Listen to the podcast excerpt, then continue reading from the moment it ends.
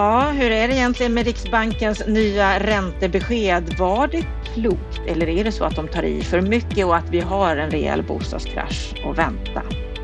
Och eh, Doxa, fastighetsbolaget som nu har lagt ett bud på Serneke. Vad betyder egentligen det? Kan det vara början på flera strukturella affärer som kommer i den här tiden som är nu? Och är det så att vi kommer att få se en helt ny boendeform i Sverige? Ja, nya Colive-förbundet, de vill se Colive som en ny boendeform. Kommer de att lyckas med det? Det kommer vi att prata om här i veckans Aktuellt idag med vår expertkommentator Kent Persson. Vi diskuterar också debatten om studentbostäder och om det är så att bolånetaket egentligen behöver tas bort. Varmt välkommen till veckans Aktuellt härifrån oss på Bopolpodden, det senaste som har hänt under veckan. Jag heter Anna Bellman.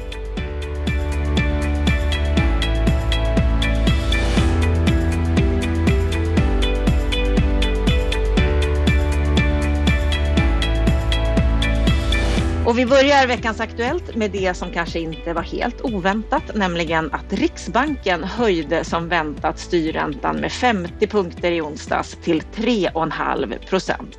Och man aviserade också ytterligare en höjning i år, 25 punkter till i juni eller september. Dock så var det två ledamöter som reserverade sig mot det här beslutet som bara ville se en ökning på 25 punkter.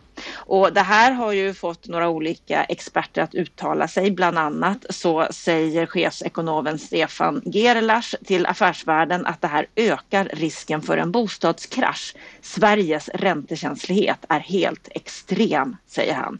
Ja, Kent Persson, vad, vad säger du om Riksbankens besked?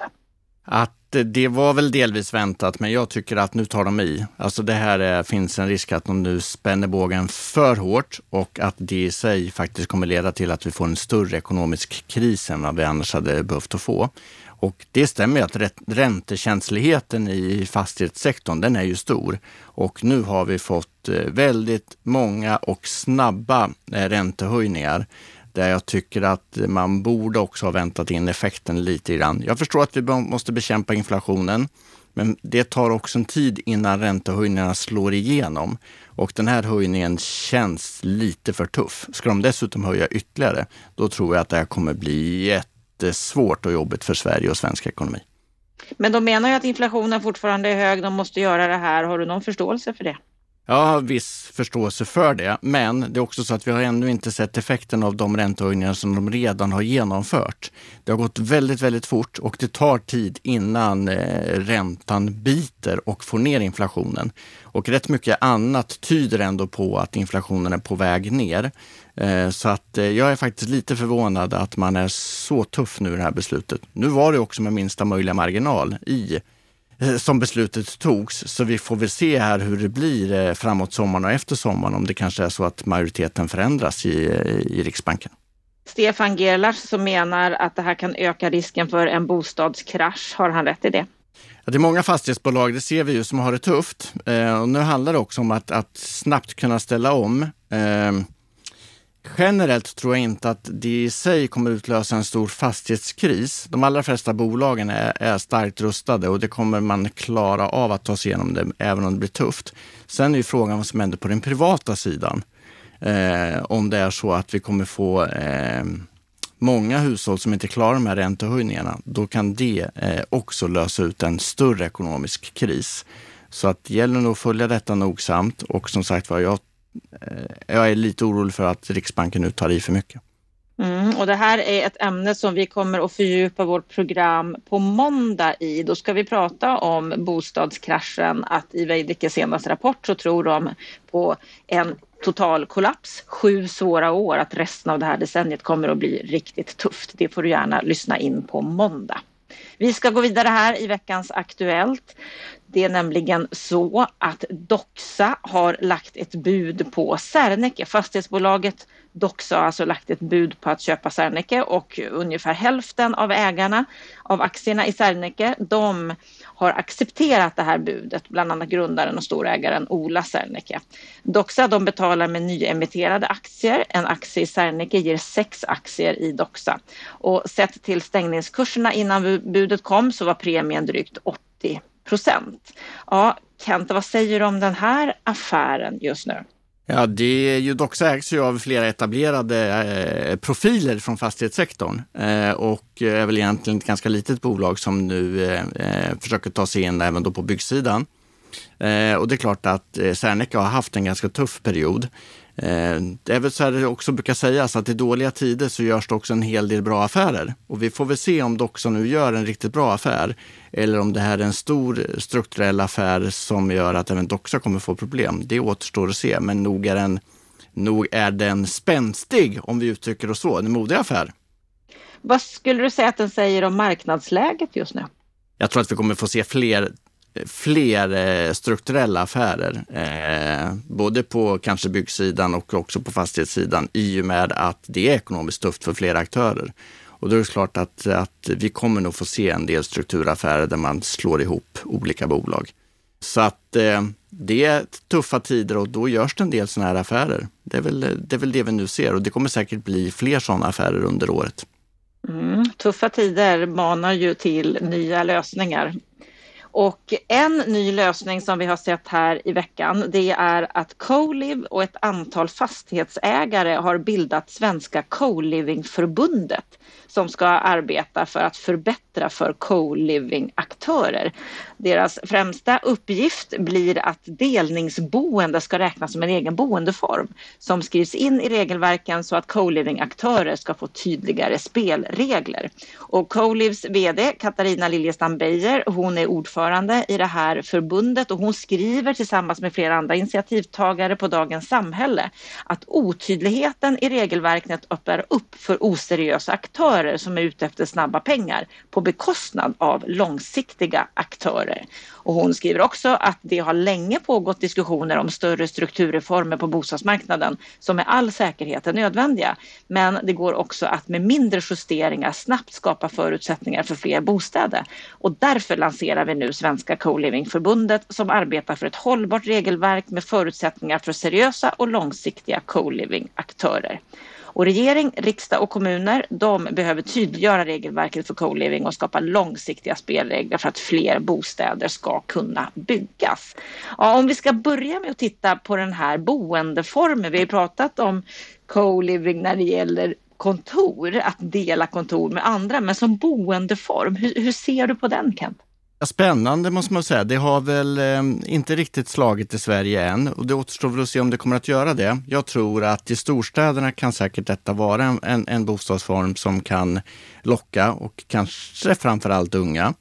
Eh, annars så har jag lite svårt att se att vi kommer få eh, bred i hela Sverige, ett brett fenomen där det här kommer att finnas. Det tror inte jag. Jag tror att det kommer bli framför allt i storstäderna.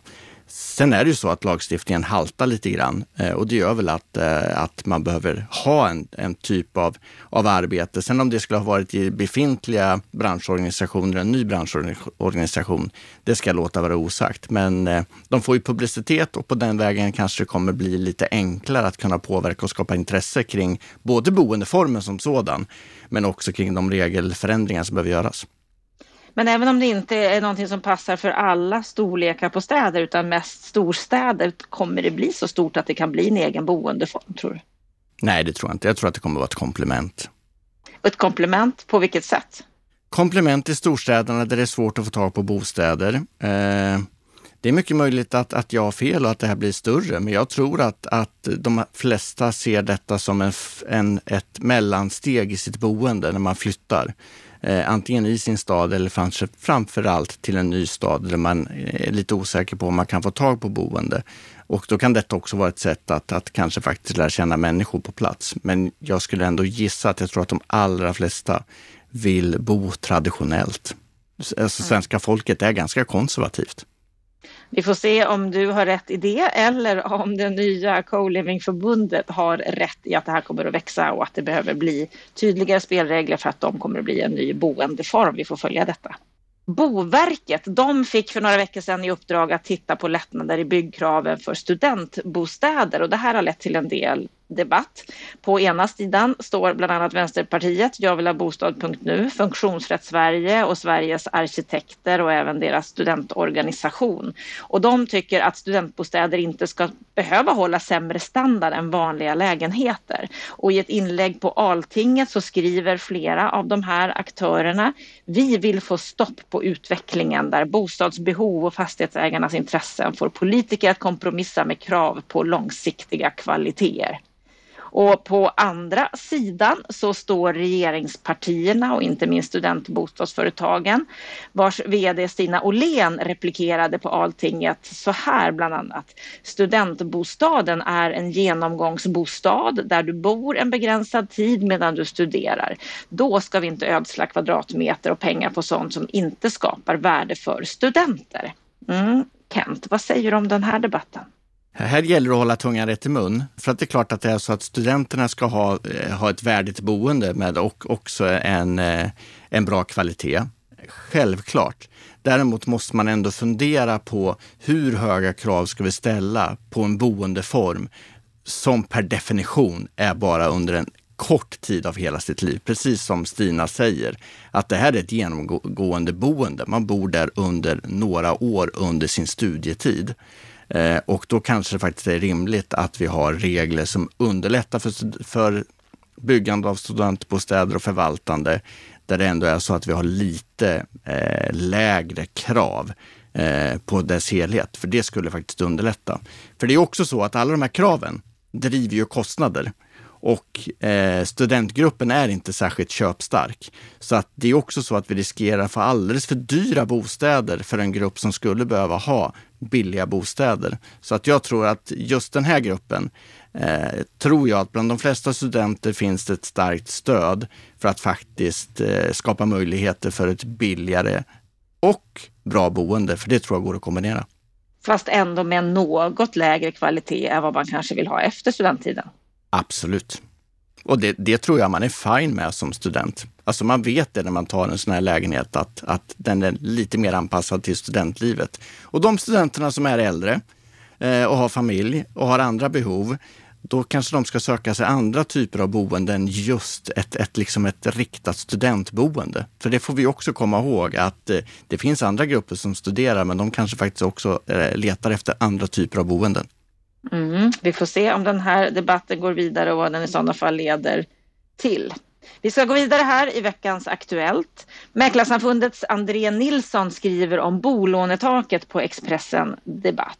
Det tillsattes nyligen en utredning som ska se över bolånetak och amorteringskrav och han vill att utredningen ska landa i att man bör ta bort bolånetaket som han menar har lett till att människor istället lockas att ta dyra blankolån för att få ihop till kontantinsatsen. Och han skriver bland annat så här.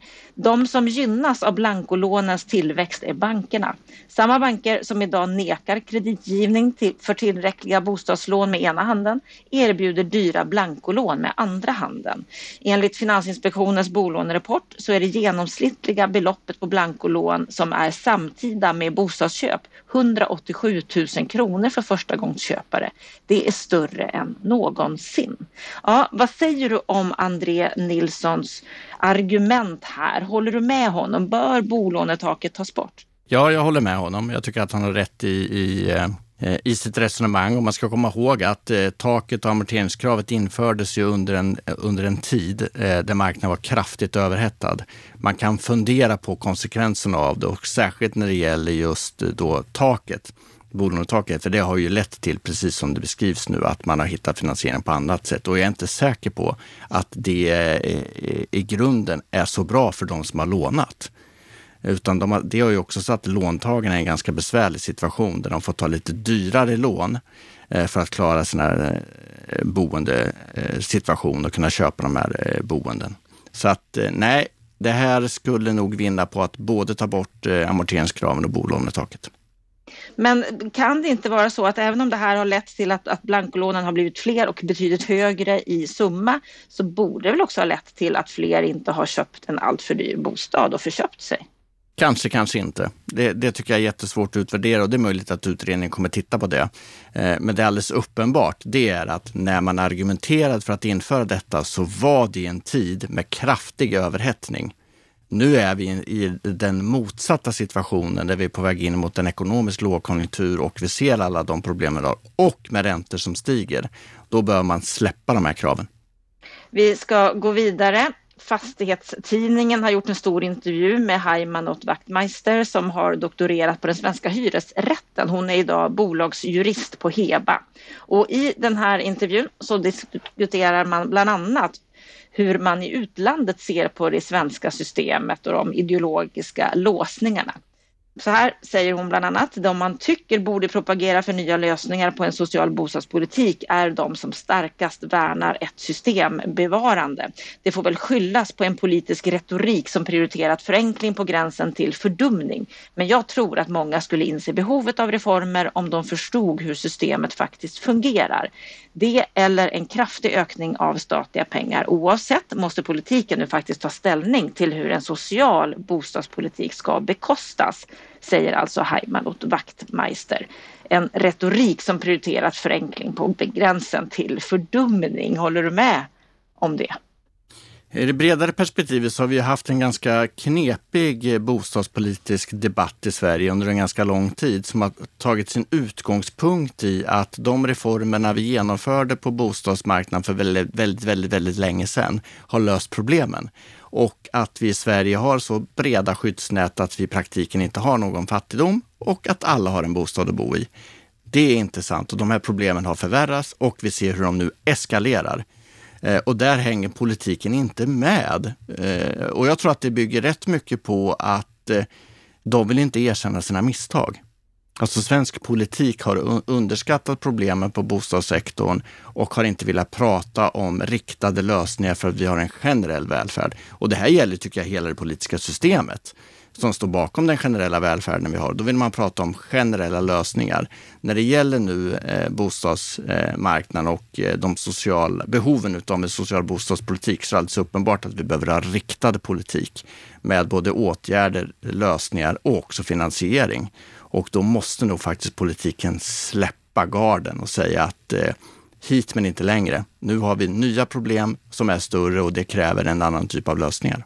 Och här är det lite intressant, en annan sak som hon skriver det är att hon vill ha olika lösningar när det gäller hyressättningen. hon skriver så här att det största hindret för reformer är idén att det ska fungera lika för alla. Vi måste börja dela upp marknaden. I praktiken är den ju redan uppdelad, man bara låtsas som att det inte är så. Vad tror du om, om det, att, att liksom se olika lösningar för olika personer? Jag tror att det är jätteviktigt. Om vi tittar på en annan del av, av diskussionen kring, eh, kring just hyresrätten. Om, om vi liksom bara ägnar en liten stund till det, så är, är det en beskrivning av att eh, kunderna i hyresrätten, att det som kollektiv har samma ekonomiska förutsättningar. Det är ju inte sant. Vi vet ju att väldigt många som hyr sitt boende har en ganska stark ekonomi. Och vi vet också att väldigt många av dem efterfrågar högre kvalitet i sitt boende och skulle vara beredda att betala mer.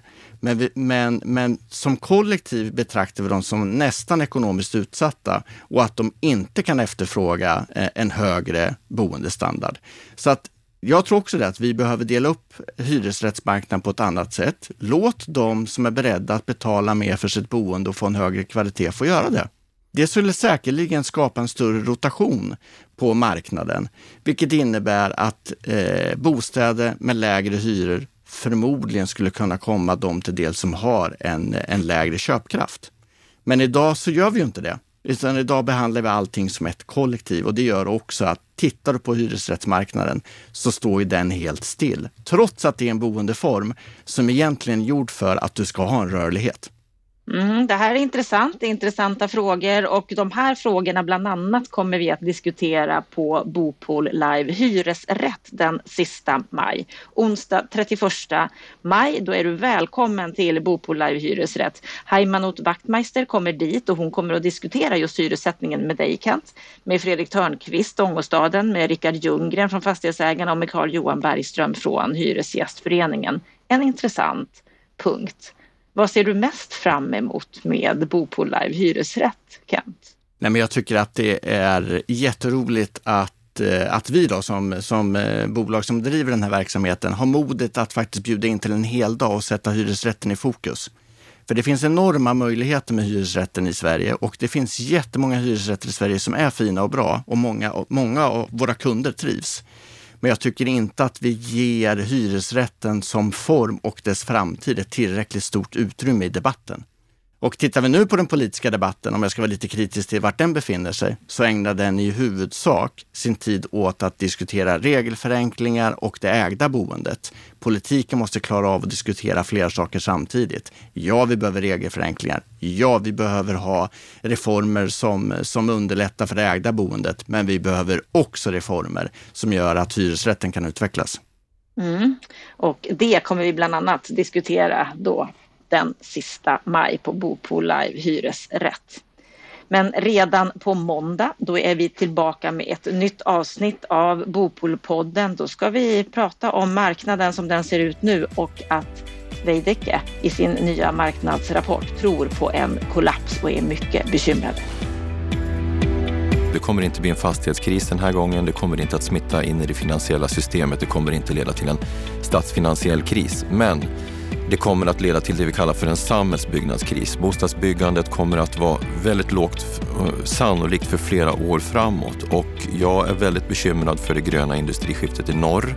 Om man överhuvudtaget ska få fram de bostäderna. Jag är bekymrad för arbetskraftsförsörjningen i de större städerna. Jag är ännu mer bekymrad över de bostadssociala problemen för unga och andra eh, grupper som sitter trångt och jag är väldigt bekymrad över att det politiska systemet är så illa rustat för att både analysera den här typen av problem som vi har nu, för det är en ny situation vi har, det har skett fundamentala förändringar och jag skulle nog säga att dagens politiker som inte har historiken av hur bostadspolitiken har designats historiskt är väldigt illa rustade att ta sig an den här situationen. Så att ja, jag är bekymrad. Ja, där hörde du en annan av våra expertkommentatorer, Lennart Weiss, som ju också då är kommersiell direktör på Veidekke och ansvarig för den här rapporten. Och han samtalar tillsammans med Hans-Åke Palmgren som är bostadsanalytiker på Boverket om just den speciella situation som vi befinner oss i just nu. Så missa inte vårt program på måndag. Missa heller inte att gå in på bostadspolitik.se och läsa mer av allt som händer inom bostäder och fastigheter. Med detta så tackar jag dig Kent för veckans Aktuellt och jag tackar också dig som lyssnar på Bopolpodden. Ha nu en riktigt skön helg.